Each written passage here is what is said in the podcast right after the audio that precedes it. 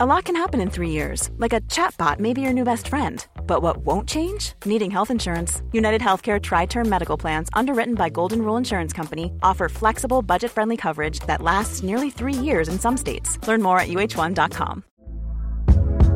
Hey there, it's Michelle Norris. I'm host of a podcast called Your Mama's Kitchen. When I travel, I'm usually looking for a way to find a taste of home when I'm not at home. And one of the things I love to do when I am at home is entertain. And Airbnb allows me to do that. When I was in California recently, I rented a house that had a great kitchen. And when we were sitting around the table, we we're all thinking, we're in someone else's house. Someone could be in all of our homes as well.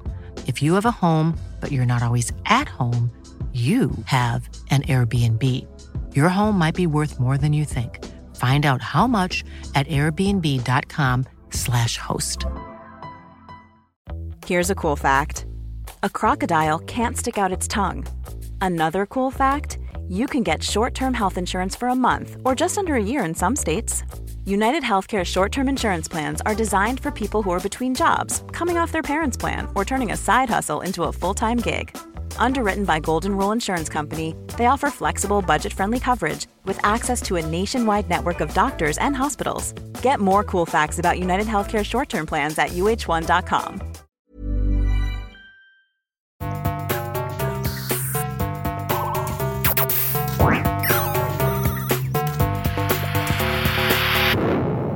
Velkommen til Sinnsyn. Jeg heter Sondre Risom Livre, er psykolog, og dette er Webpsykologens podkast. Hverdagspsykologi for fagfolk og folk flest.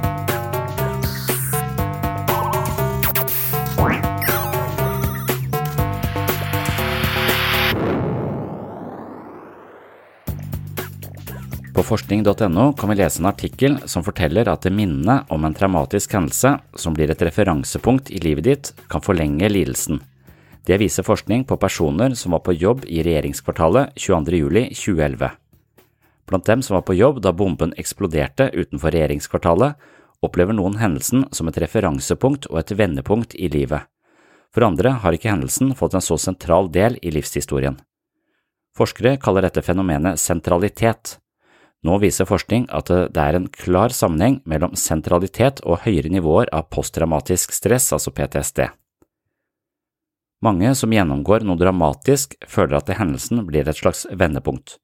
De opplever at de ser annerledes på verden etter det som skjedde.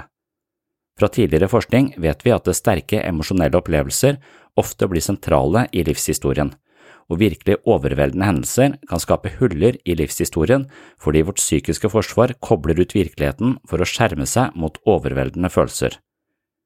Når vi opplever noe svært dramatisk, kan disse minnene bli liggende som løsrevne bruddstykker i vår syke, og plutselig kommer de til overflaten med full styrke og tar oss tilbake til den dramatiske hendelsen. Det er dette man kaller flashbacks, og det er et vesentlig symptom på PTSD.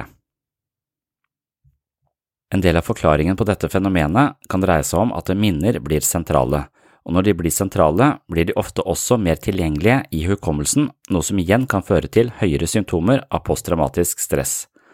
Noen minner er ikke direkte løsrevne, men så voldsomme i sin styrke at de opptar en stor plass i vårt psykiske liv i lang tid etter hendelsen, noe som altså binder våre mentale ressurser til en situasjon preget av frykt, uro, sorg eller andre vanskelige følelser. Da har vi en situasjon hvor vi langsomt begynner å identifisere oss med disse følelsene som springer ut fra den katastrofale hendelsen, og det kan være med på å påvirke vår identitet og selvforståelse. Også tidligere forskning har vist at det er en sammenheng mellom hvor sentral en traumatisk hendelse er i en persons livshistorie og nivå av PTSD. En del forskning har sett på hvordan utviklingen av de to fenomenene er over tid. Slike studier kan også si noe om sammenhengen mellom dem. 259 personer som var på jobb i regjeringskvartalet da bomben eksploderte, har svart på et spørreskjema på tre ulike tidspunkter – ti måneder etter hendelsen, to år etter hendelsen og tre år etter hendelsen. Personen ble bedt om å vurdere syv ulike påstander som måler sentralitet, for eksempel. Denne hendelsen har forandret livet mitt for alltid. Jeg føler at denne hendelsen har blitt en del av min personlige identitet. Jeg føler at denne hendelsen har blitt en sentral del av min livshistorie. Deltakerne svarte også på spørsmål som måler nivå av PTSD.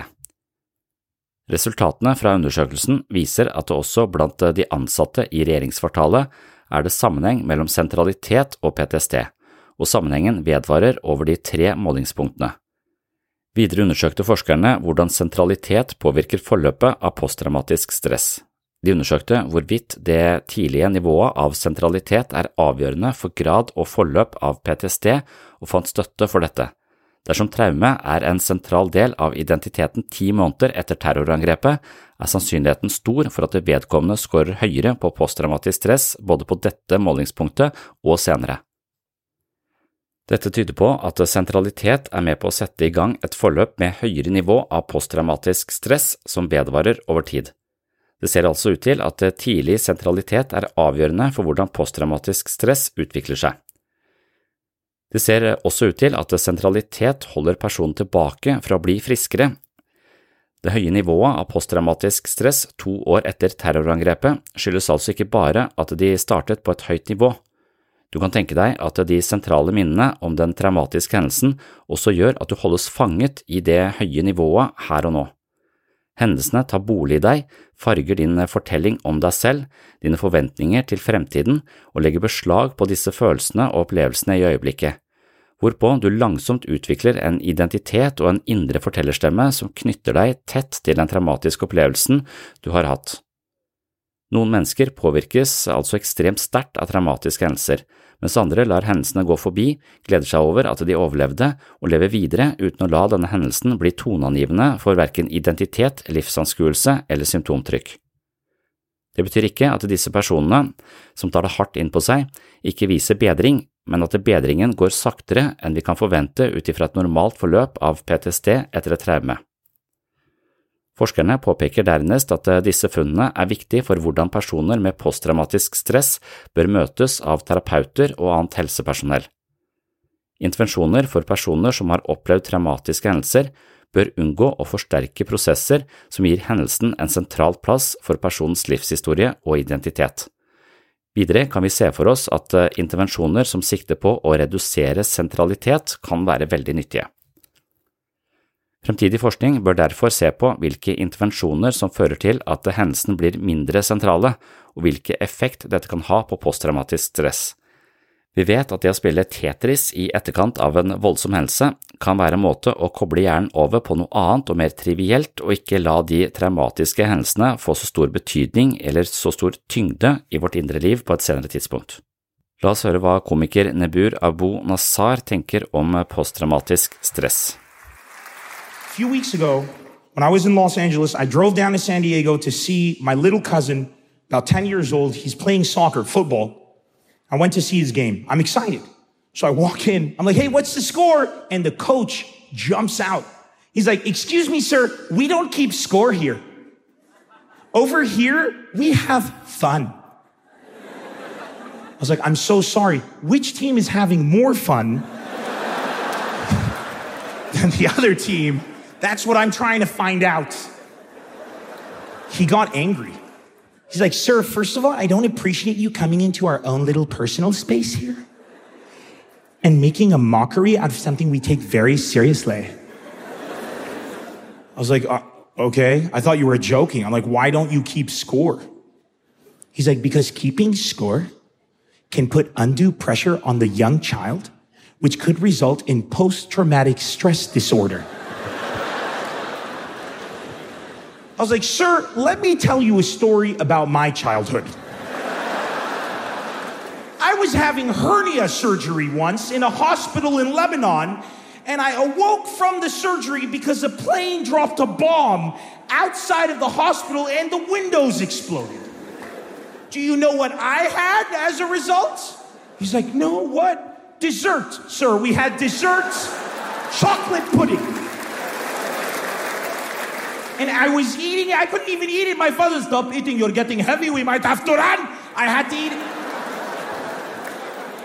When I was 14 years old, in my school, a man walked in at 8 in the morning while we were lining up to go into school with a shotgun, a jiffet, walked in looking for the principal because the principal the day before had slapped his daughter. So he walks in and he screamed while we're lining up at 8 in the morning, Where is Talal? Where is he? Did we run? Did we? No, he's over, over there. He's over there. over. No, no, over. Here, I'll take you. Come. Over. He walks up to Talal, puts the gun to his head, makes him kneel, looks and says, If you ever hit my daughter again, I will kill you. Do you understand? So I was like, Yes. Okay. And he walked away because they had an agreement. I even knew the guy. He's walking. He's like, say hi to your father, and kept going. He's a gentleman, a gentleman. And then I told my dad, I'm like, Dad, this guy, he did this. He's like, why, why did he bring a gun? I'm like, because he hit his uh, daughter. And he's like, well, you should never hit a girl. And it, that was it. We proceeded as normal. We didn't have a psychologist come to the school. How did it make you feel? Do you feel, do you want a safe space? Do you want a space where you can exist? Say, this is the Middle East. There is no safe space anywhere. It's no such thing.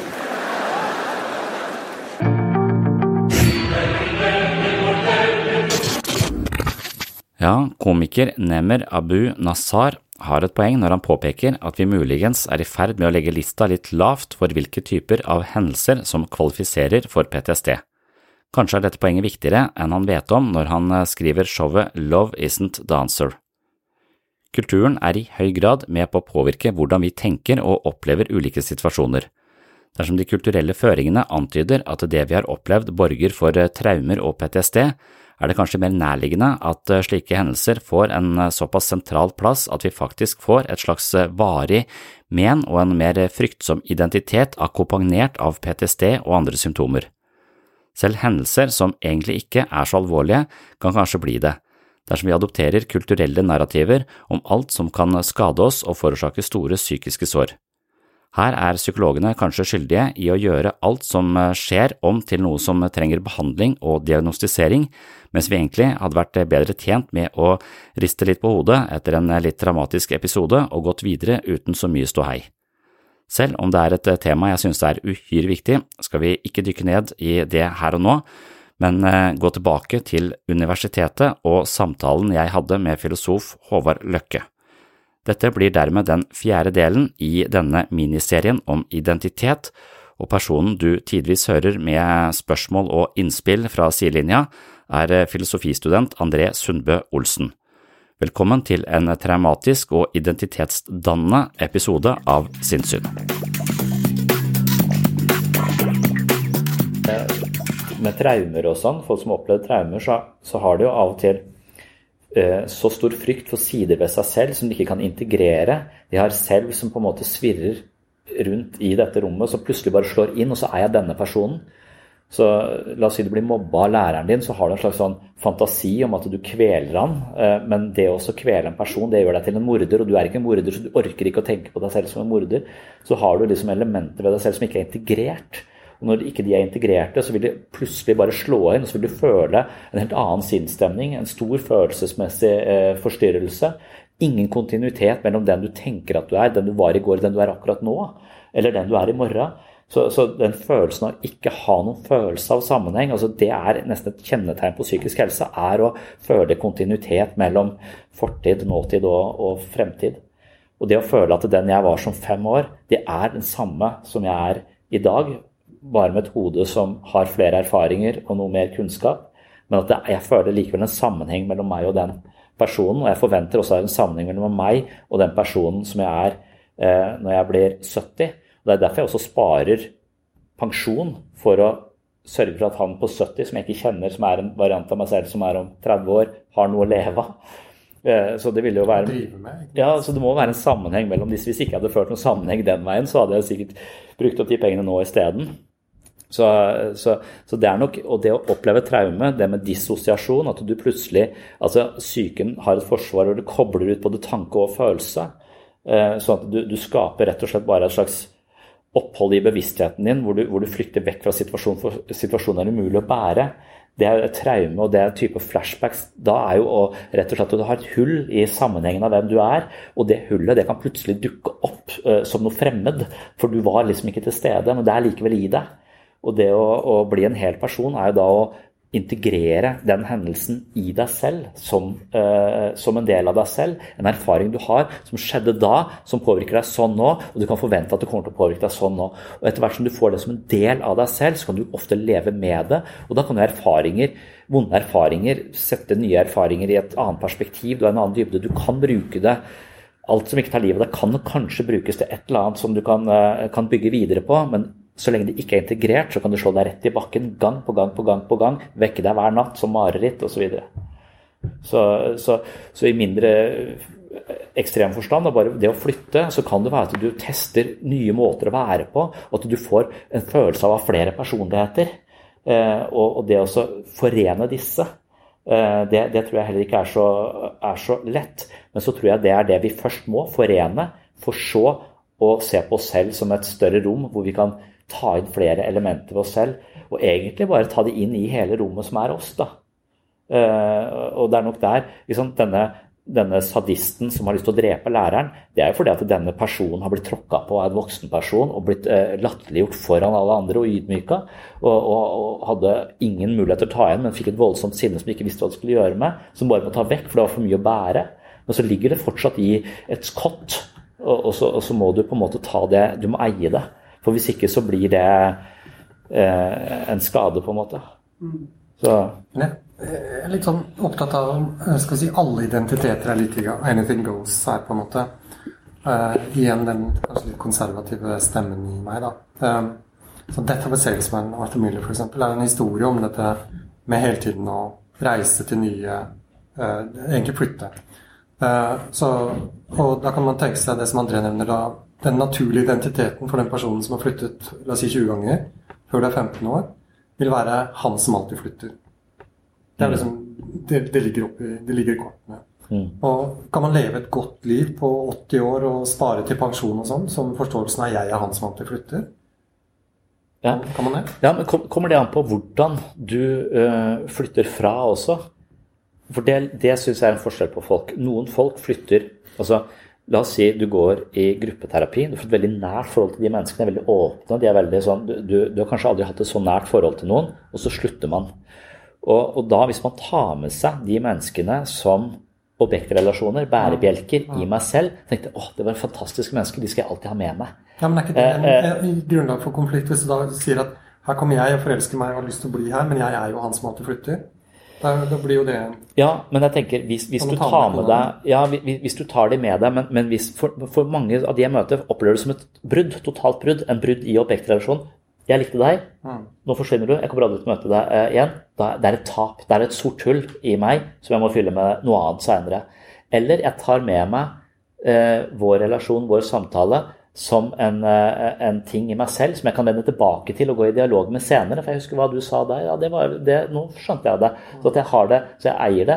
Men jeg tror det er ganske eh, Jeg vet ikke jeg tror du må være ganske trygg. Så hvis du har en veldig trygg base med foreldrene dine, kanskje, og du flytter rundt, så kan det være at den, disse Hvis du tar dem med deg på denne måten, at det kan være ganske berikende. Uh, det litt avhengig av hvordan du lærer deg å, å bli kjent med altså, ikke, ikke den gærne onkelen i, i hjørnet, men men i et annet hjørne så ligger sorgen, på en måte. Ja. Sorg er jo en del av det å bli mm. Gi tap på noe. Altså Kanskje du bodde i Hønefoss, og det var fint. Mm. Og så skal du til, eh, til Voss, og, det er en ny start. Og det, det er uansett en sorg, mm. tror jeg. Ja. Så også det, det, som har betydd noe som du må gi avkall, avkall på, og ugjenkallelig sorg. Tap av mennesker, nære mennesker. Så, så, kanskje et element i det å kunne lære seg å leve med disse multiple self, som det kalles da, er det at man har et språk for sorg? Vil du si det?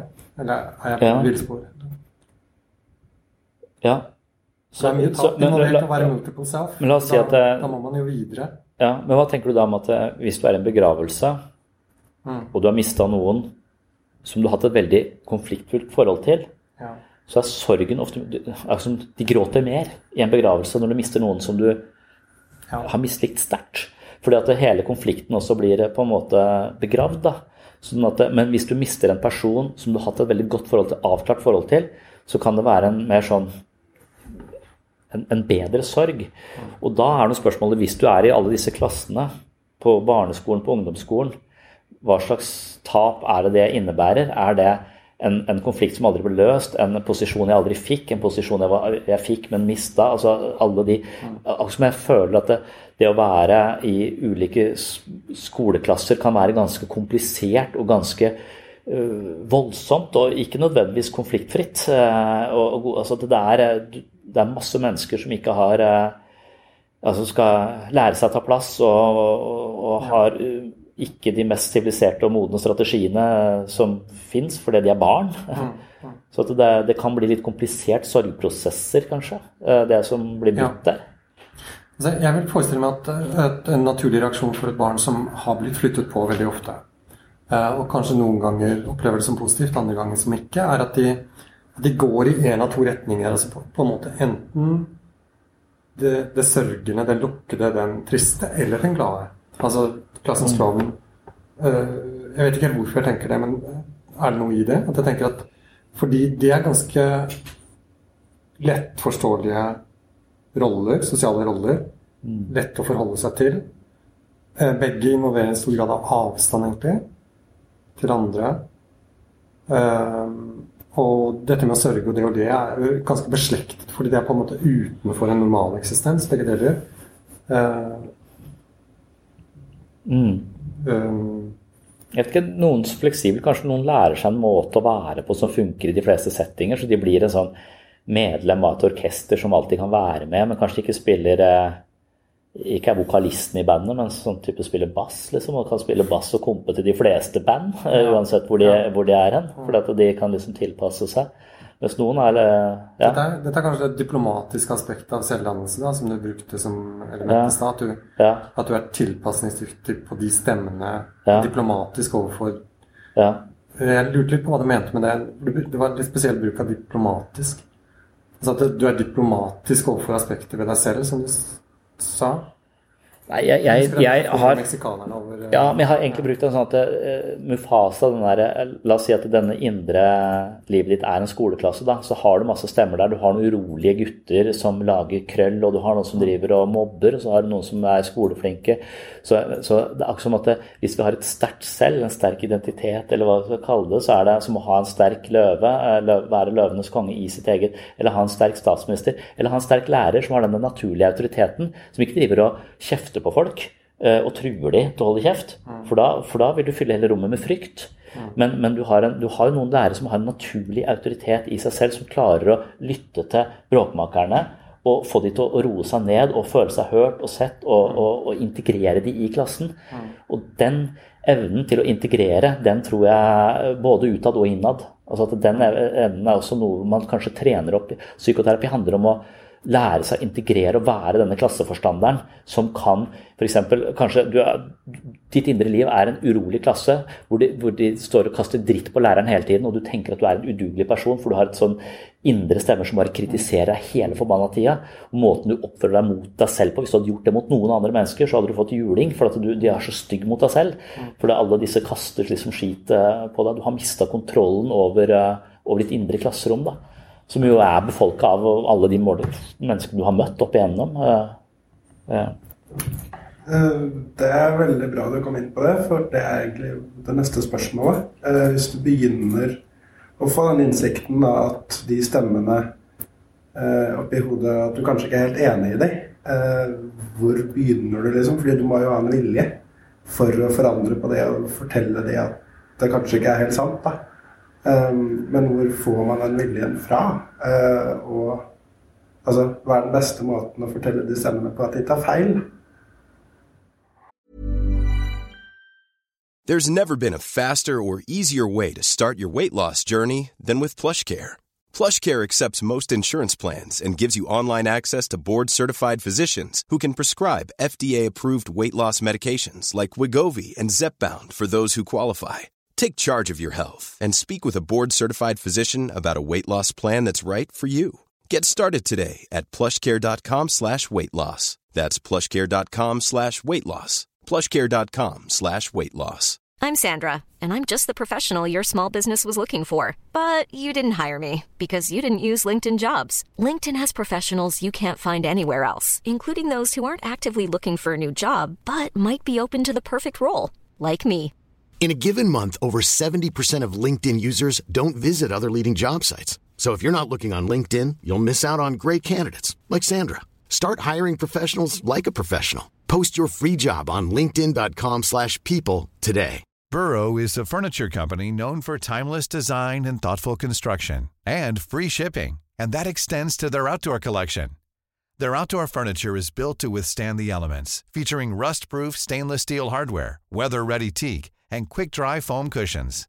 For Memorial Day, get 15% off your Burrow purchase at burrow.com slash ACAST and up to 25% off outdoor. That's up to 25% off outdoor furniture at burrow.com slash ACAST. Ja. Grunnleggende problemet sånn jeg ser det, er frykt. For jeg tror at det frykt altså Vi har noen grunnleggende følelser. Det er frykt, panikk. Panikk er, har med, med separasjon å gjøre. Frykt har med trusler eh, å gjøre. Så er det aggresjon, som har med selvhevdelse å gjøre. Og så er det interesse og iver. Og interesse og iver er jo en, en positiv, eh, nysgjerrig, interessert måte å møte, møte, ting på. Og det er den delen av, av eh, operativsystemet vårt vi på en måte trenger for å for å finne mening og, og ja. Så, mens eh, hvis du har opplevd mye separasjon, blitt flytta på mange ganger, blitt forlatt, blitt oversett, blitt kritisert eller kjefta på, så vil du ha mye energi bundet opp i frykt og panikk. Og de handler om tilbaketrekning og ingen nysgjerrighet. Og, og tilbaketrekning handler heller ikke om vekst. Så det å, å vokse og være nysgjerrig og interessert i seg selv, det å være interessert i å bevege seg i en terapisituasjon, sånn, det krever at du er trygg nok til å tørre å være undersøkende innstilt til deg selv. Og veldig mange mennesker er såpass redde eh, og vil da egentlig ikke bevege denne båten og ha noen større bølger. Så det vesentlige ved en terapisituasjon er da å skape så mye trygghet at det er mulig å, å, å finne fram til en eller annen form for nysgjerrighet på denne, denne ja, eh, bevegelsen. Eh. så. nå synes jeg, og det syns jeg er bra, men jeg syns at vi beveger oss ut av terapirommet og nesten inn i eksistensialismen. Mm. For det, altså, det, den frykten for, for det nye, det, den er jo allmennmenneskelig. Ja. Den er jo egentlig ikke et symptom. Den kan være det. Uh, men, men, det er jo en helt uh, alminnelig menneskelig reaksjon, er det ikke det? Jo, absolutt. Å bli livredd for uh, Jeg tror vi har snakka om dansing før. Ja. Ikke det? Har vi det? Jeg vet ikke. Nei. Jeg har i hvert fall ja. Altså det å uh, skulle danse, bli sett som dansende altså ja. Helt ut av rollen type ting. Ja, da skal være ganske full. Da skal være ganske full. Ja. Alle har de der punktene hvor de er, hvor de er redde, og, og jeg tror Altså, det, er det angst, eller? Men det er vel en naturlig, om, er naturlig angst? For... Jeg, jeg det er en naturlig reaksjon på å ikke kunne bruke sine eh, vante mønstre og tillærte strategier i møte med livet. Ja. Som vi alle har. Den, som vi alle har. Så, så, så, hver gang vi forlater en selvforståelse, så må vi, vi må på en måte dementere Vi må liksom avsløre noen av disse stemmene, som, disse hyenene på steppene som lurer oss til å tro at vi eh, er udugelige på alle områder, mens vi mm. egentlig bare er dårlige i fotball. Mm. Og så er vi kjempegode i masse altså vi, vi, vi, får et tunnelsyn, for vi får en, slags stemme som overskygger det hele. Men det å forlate den måten å, å, se seg om etter nye uh, identiteter eller selvforståelser. I en overgangsperiode der så, så, så har du ikke no, noen, uh, noen, klar strategi i møte med livet. Og dette er det som kalles utviklingsangst hos barn. Da. For ja. barn vil, hjernen vil, de vil få nye kapasiteter i huet sitt som gjør at de plutselig kan begynne å tenke på sin egen tankegang. Og det er en såpass avansert prosess, og når det plutselig dukker opp, så, så er det eh, akkurat som kroppen forandrer seg, så forandrer også hodet seg, som Piaget liksom har. Så i, i, hver sånn overgang så vil du se tegn på psykisk lidelse, på en måte. Selv om det ikke er psykisk lidelse. Det er utvikling. Og det er, smert, det er psykiske voksesmerter, på en måte. Og det må man Når man er barn, så må man bare gjennom det, for du bare vokser gjennom det. Men som voksen så må du velge de. Du må velge den mm. smerten. Eh, du må, velge den, du må velge å gå mot den frykten og tåle den overgangen fra en måte å se på deg selv på som har ført deg inn i det ene dårlige forholdet etter det andre, til en ny måte, en større grad av selvrespekt, f.eks., som mange har problemer med. Og, og, for, og, kreve den selvrespekten av andre, sette de grensene man må overfor andre mennesker, så de ikke trår over deg hele tiden. For eksempel. Og da er du, da er du amatør plutselig i ditt eget liv. Ja. Du, du, skal, du, begynner på Du, du blir eh, Lars Saabye-Listen. Ja, ja, ja. Du, du, får sikkert litt sånn ja. Men jeg, altså, som du vet, altså, jeg er opptatt av liksom, normativiteten, eller um, om du vil, moraliteten i deg. Det, sånn som du snakker nå, så flytter du deg over i mine gamle dydsvenner. For det, eh, det som gjør eh, Hva heter sjefen, løven? Mufasa. Mufasa. Mufasa og Erna Solberg. Altså det, det, er ikke det at de er så fryktelig kloke, men de er modige. Ja, er det ikke det? Det er nok det. Så det, mm. så, så det, det, som du på en måte da bør analysere og få fra dine foreldre, er dette motet og stødigheten til å si at det kommer til å gå bra. Mm. Uh, fordi det er jo det Erna Solberg gjør med oss hver gang hun kommer og sier at dette kommer til å gå Det er ja. fryktelig vanskelig til. Men ja. det kommer, jeg greier ikke den dialekten. Men Nei, ikke heller. Ja, ja.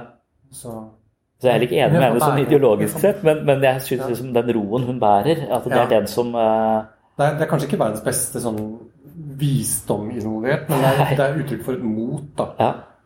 Og, og, du har snakket nå de siste minuttene som, som om eh, det å ha mot er en viktig eh, evne for å kunne leve sunt med disse utfordringene som kommer naturlig. Mm. Og, og, som barn så, så er det veldig viktig at du har den stabiliteten som jeg er opptatt av. Men også i voksenlivet. Sånn eksistensielt så er det det derre å kunne leve i det ukjente landskapet uten å bli mm. panikkdrevet av det. Ikke ja. sant? Og og det, tror jeg du kan hvis du har et trygt sted å stå. Og det som ja. det er i utviklingspsykologi eller sånn tilknytningsteori vil kalles en trygg base. Ja. Det oppleve at du har en trygg base, ja. Det er nok utgangspunktet for å, for å ha det motet som skal til. Som barn må du ha trygg base, og som voksen så kanskje basen er deg, da. Du har integrert den basen. Uh, altså det, det, er jo litt sånn som uh, min datter på, på, fire, hun yngste. ikke sant? Nå er hun litt eldre enn det, men det å ha dette overgangsobjektet fordi at hun ikke klarer å bære foreldrene som den trygge hjemmet og søsknene, det som er hennes familie, hun, mm. hun, der hun er trygg. Mm når hun skal da inn en, eh, på en institusjon som ettåring, som kalles barnehage, så har hun ofte med seg et objekt som symboliserer Hun har med seg, hun har med seg kosen. Ja. Som er denne overgangsobjektet ja. som hun bruker fordi hun ikke klarer å ha noen trygg base ja. i seg selv, men hun har det her. Så det, det, det, og det kan man et overgangsobjekt. Og så nå trenger du ikke den lenger, for nå kan du tenke på altså Det pleier jeg å si at det, når jeg er på jobben, og hvis jeg savner deg, så kjenner jeg at jeg har deg i hjertet. Mm. Som en slags metafor på at vi vi fortsatt eh, bor i hverandre. Overgangsobjekt er faktisk veldig, veldig, interessant i forhold til identitet. For det er jo noe som du kan relatere deg til, men ha kontroll over. For du kan skru det av og på. Ja. Nå er du bamsen min og min bestevenn, men nå blir det ja. ikke lenger. Ja. Uten at det ligger noe overgrep der, for du er klar over at det ikke mm. er et levende vesen. Ja. Men du kan skru på relasjonen, og du kan skru den av igjen. Mm. Det virker veldig viktig for utviklingen av ja. identitet, egentlig. Ja. Uh, uh, jeg, ja, jeg har ikke tenkt på det sånn, men det, Nei, det er Winnicotts ting, er det ikke det? Jo, sånn. overgangsobjekt og sånn. Og jeg, jeg tenker på det at det å ha disse i seg selv det er jo litt uh, fascinerende å ha de utenfor seg selv også. At jeg har det med meg. sånn som Nå som jeg har tatt opp dette med skating igjen, så har jeg faktisk mitt Santa Cruz-brett med rosa grip-tape fra jeg var altså fra, fra tidlig 90-tallet. Mm. Og det, det, eksisterer fortsatt. Jeg har funnet det, for det lå på loftet hos eh, foreldrene mine. Mm. Og det, det, å ha det tilbake der, som det skaper også en slags sammenheng mellom den jeg, den jeg var og den jeg er, mm. er nå. Så, så, i voksen alder så er det Det er ikke et overgang, men det er et objekt som, som, eh, som jeg har som et minne, men, men, jeg har det også fysisk. Og det, er et eller annet med å, med å ha det med meg, bære på det og stå på det sammen med sønnen min, da, som skater nå. ikke sant, også Eh, det, det, skaper en slags forbindelse, en god forbindelse til noe som var bra.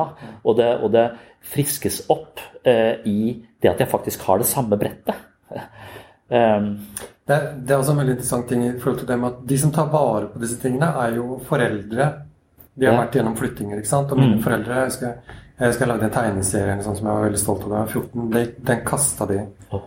Ikke sant? Mm. Uh, mens andre ting, som type karakterbok, tok de vare på. Mm. Og så tenkte jeg at så Det er en ganske stor oppgave som forelder da, å mm. tolke hvilke objekter er det som er viktig for deg om 15 år, ja. og se igjen. Mm. Uh, den er vanskelig. Uh, for det er noe der, og ofte så kommer den rydde i boden-perioden, og du liksom er frista til å kvitte deg med alt, men du vet at mm. noen av disse objektene faktisk bærer veldig mye mening. Ja.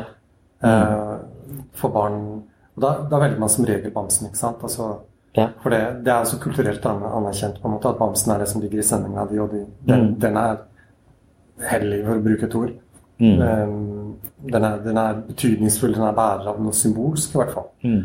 Uh, men det kan godt hende at, uh, at uh, sånn som i min historie, da, så var det det å produsere den tegneserien betydde noe for meg som jeg ikke greide å kommunisere.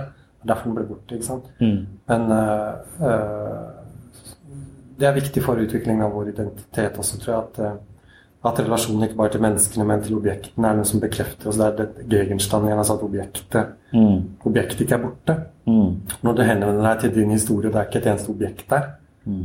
eh, da er du da, Det er ikke så bra. Hvis barndomshjemmet er solgt, og ja. hytta er borte, og mm. alt mulig sånt, og da ja. Det, er, det, er, veldig godt å treffe, treffe igjen de fysiske omgivelsene. Ja. Og hvis, hvis, man ser på det, det, objektet også, så er det jo sånn at vi eh, som barn har en tendens til eh, en form for splitting, hvor vi adskiller det som er vanskelig og vondt, med det som er godt. og for at De to tingene kan ikke, de krasjer. Det er veldig psykologisk avansert å ta det gode med det onde.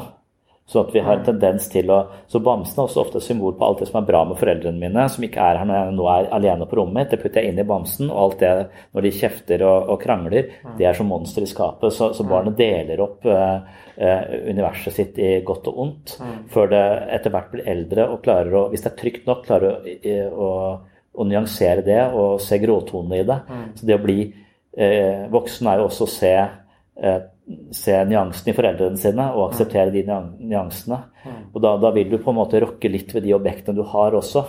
Men uh, du, hvis du da snur de helt, og du mister de som et ondt objekt Det var et godt objekt. Så, mm. så også, men, men, hvis du klarer å nyansere det på en god måte, så kanskje du bare får enda sterkere relasjon til det.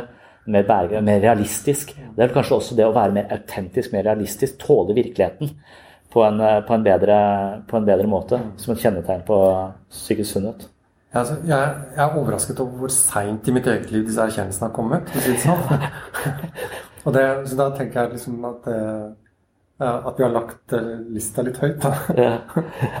men det er kanskje ikke riktig, men, men det er erkjennelsen av å liksom relatere seg til sine egne foreldre f.eks. For som levende personer som ikke bare er der for deg, men som har sin historie, og, samtidig som du alltid er deres barn og sånn. Det er ja, Eh, jeg vet ikke om jeg bikka 40 eller 50 mm. før det kom. Noe nærhet nærheten av det. Ja. Så det, det, er vanskelige greier, altså.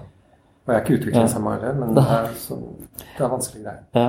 Men, så det jeg vil egentlig si nå, da, er at, at identitetsdannelse, ja, det er, det, er det er, patologisk i en viss forstand, men det er også en veldig eksistensiell ting. Mm. Altså, og, og, en livsvarig ting. Mm. Altså erkjennelsen av at jeg er faktisk min fars sønn ennå, selv om mm. jeg har starta barnebarn, kan du si. Mm. Det er ganske sånn derre ja. Here's the thing. I never, never, never, never judge other parents now. I never do. I used to, but I never do. Like, you know, when you see a mother in McDonald's or someplace or in a toy store and she's just melting down on her kid, she's like, Shut up. I hate you. You're ugly. and people are sitting around going, Oh my goodness, she's a horrible mother. Well, guess what? Those people aren't fucking parents. They don't have kids. Because any parents who are in that store are thinking, what did that shitty kid do to that poor woman? that poor woman. I wish I could help. Because you don't know, man. You don't know. Or like when you see a parent that seems to be negligent, like you're in, you see a parent in McDonald's with the kid, and the parent's like, I can't take this shit anymore, and just like collapsed, and all the shopping bags are just strewn everywhere. And the kid's happy. The kid's eating French fries, and the kid asks a question like, "Mama, why is the sky blue?" And she's like, "Just shut up and eat your French fries." and you think, what a terrible mother. Why doesn't she answer her child? When I have a child, I will answer all of their questions and open their minds to the wonders of the world. Well, guess what? You don't know what the fuck you're talking about. You can't answer a kid's question. They don't accept any answer. A kid never goes, Oh, thanks, I get it. They fucking never say that. They just keep coming. More questions. Why? Why? Why? Till you don't even know who the fuck you are anymore at the end of the conversation. It's an insane deconstruction.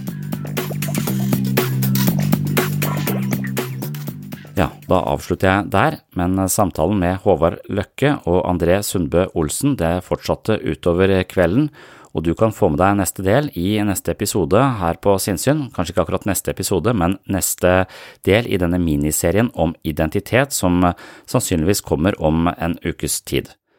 Er du mer interessert i menneskets indre liv, relasjoner og selvutvikling, så håper jeg at du klikker deg inn på min Patron-konto og blir supporter av Sinnsyn og Webpsykologen.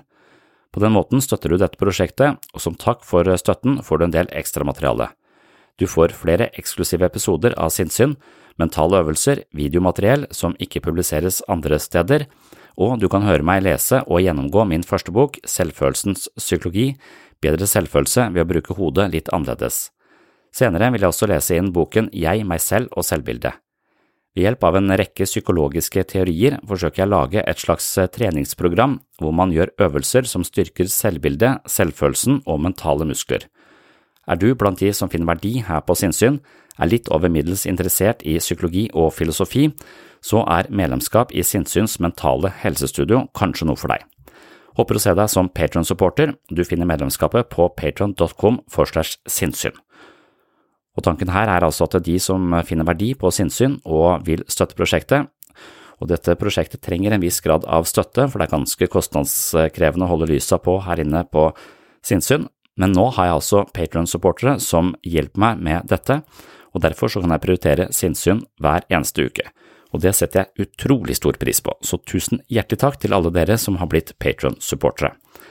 Til de av dere som finner verdi her på sinnssyn, men ikke har økonomiske midler til å bidra som medlem, så er det også helt i orden. Det er fullt forståelig, og dere skal bare fortsette å konsumere episoder her på den åpne podkasten som før.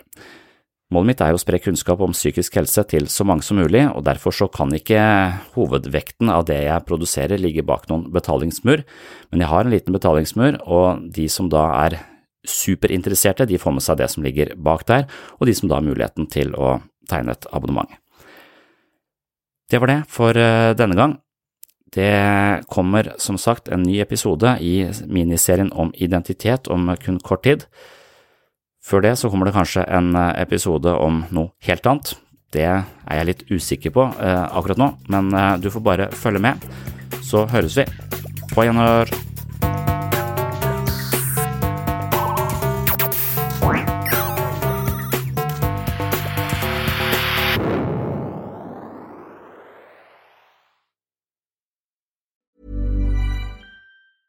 Planning for your next trip? Elevate your travel style with Quince. Quince has all the jet setting essentials you'll want for your next getaway, like European linen, premium luggage options, buttery soft Italian leather bags, and so much more. And is all priced at 50 to 80% less than similar brands. Plus, Quince only works with factories that use safe and ethical manufacturing practices. Pack your bags with high-quality essentials you'll be wearing for vacations to come with Quince. Go to quince.com/pack for free shipping and 365-day returns. Mom deserves the best, and there's no better place to shop for Mother's Day than Whole Foods Market. They're your destination for unbeatable savings, from premium gifts to show-stopping flowers and irresistible desserts. Start by saving 33% with Prime on all body care and candles. Then get a 15-stem bunch of tulips for just $9.99 each with Prime. Round out Mom's menu with festive rosé, irresistible berry chantilly cake, and more special treats. Come celebrate Mother's Day at Whole Foods Market. Normally, being a little extra can be a bit much, but when it comes to healthcare, it pays to be extra. And United Healthcare makes it easy with Health Protector Guard fixed indemnity insurance plans. Underwritten by Golden Rule Insurance Company, they supplement your primary plan, helping you manage out of pocket costs without the usual requirements and restrictions like deductibles and enrollment periods. So when it comes to covering your medical bills, you can feel good about being a little extra. Visit uh1.com to find the Health Protector Guard plan for you.